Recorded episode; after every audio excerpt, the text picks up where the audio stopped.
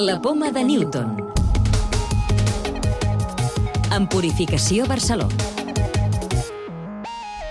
Investigadors d'IRS i Caixa han aconseguit bloquejar per primera vegada una de les portes que utilitza el virus de l'ebola per envair les cèl·lules.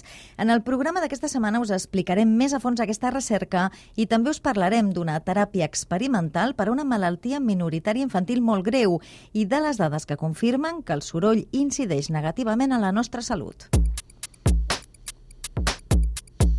Científics d'IRS i Caixa han descobert que la bola entra a les cèl·lules d'una manera similar a com ho fa el VIH i han desenvolupat un anticòs per impedir aquest procés. La recerca suposa un avanç en la lluita contra la bola que ara se centra en vacunes experimentals que ataquen només soques concretes del virus i són ineficaces amb la resta. Núria Izquierdo Useros és una de les responsables de la investigació. Del virus ébola se conoce muy poquito todavía cuál es el sistema que utiliza este virus para entrar a las células del sistema inmunitario. Y nosotros lo que hemos hecho es encontrar una puerta y lo que vemos ahora es que puertas que utiliza el VIH también las utiliza el virus ébola y que podemos desarrollar anticuerpos que cierren la entrada a los dos virus a la vez. Si fuéramos capaces de bloquear las puertas principales, aunque no lleguemos a cerrar todas las puertas, ya habría en la mesa la posibilidad de utilizar una terapia combinada en un futuro que pudiera permitir tener un tratamiento antiviral cuando las personas se infectan con ébola, que hoy por hoy todavía no contamos con una terapia de esas características.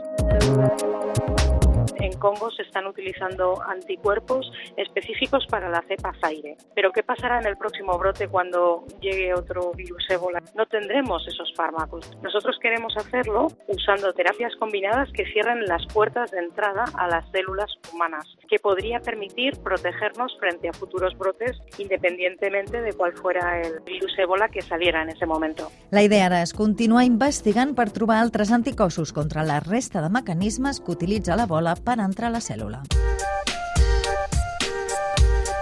Més coses. Un estudi liderat per l'Institut de Recerca Vall d'Hebron i la Universitat de Colúmbia als Estats Units aconsegueix resultats positius contra una malaltia minoritària molt greu, coneguda com a dèficit de TK2. És una patologia que comença durant la infància i que en els casos més severs causa la mort abans de 3 anys des del diagnòstic. Aquests investigadors han tractat els afectats amb dos nucleòcids, unes molècules que porten aliment a les cèl·lules, i han aconseguit allargar-los la vida.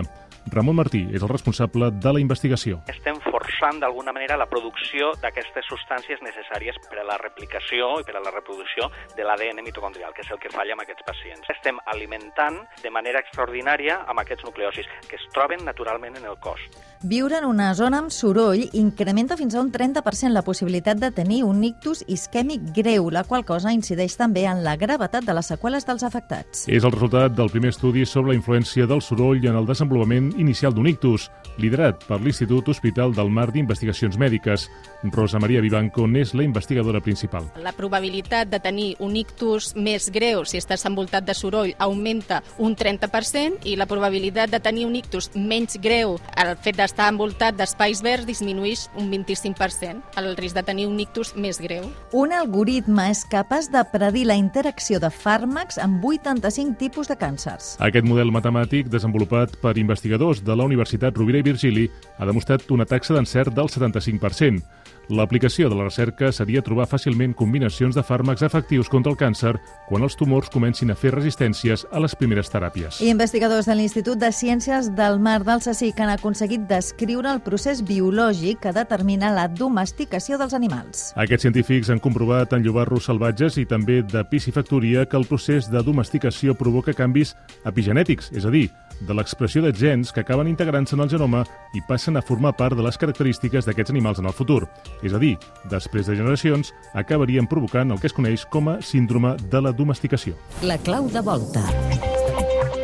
Per què de vegades diem que podem veure una superlluna? Salvador Ribas, investigador de l'Observatori Astronòmic del Montsec. Es parla d'una superlluna quan la Lluna doncs, està situada a la part més propera a la Terra dintre de la seva òrbita. La Lluna doncs, orbita en òrbita elíptica al voltant de la Terra, de manera que a vegades està més a prop i a vegades està més lluny. I quan està més a prop de la Terra, si coincideix a prop de Lluna plena, doncs és quan es parla de superlluna.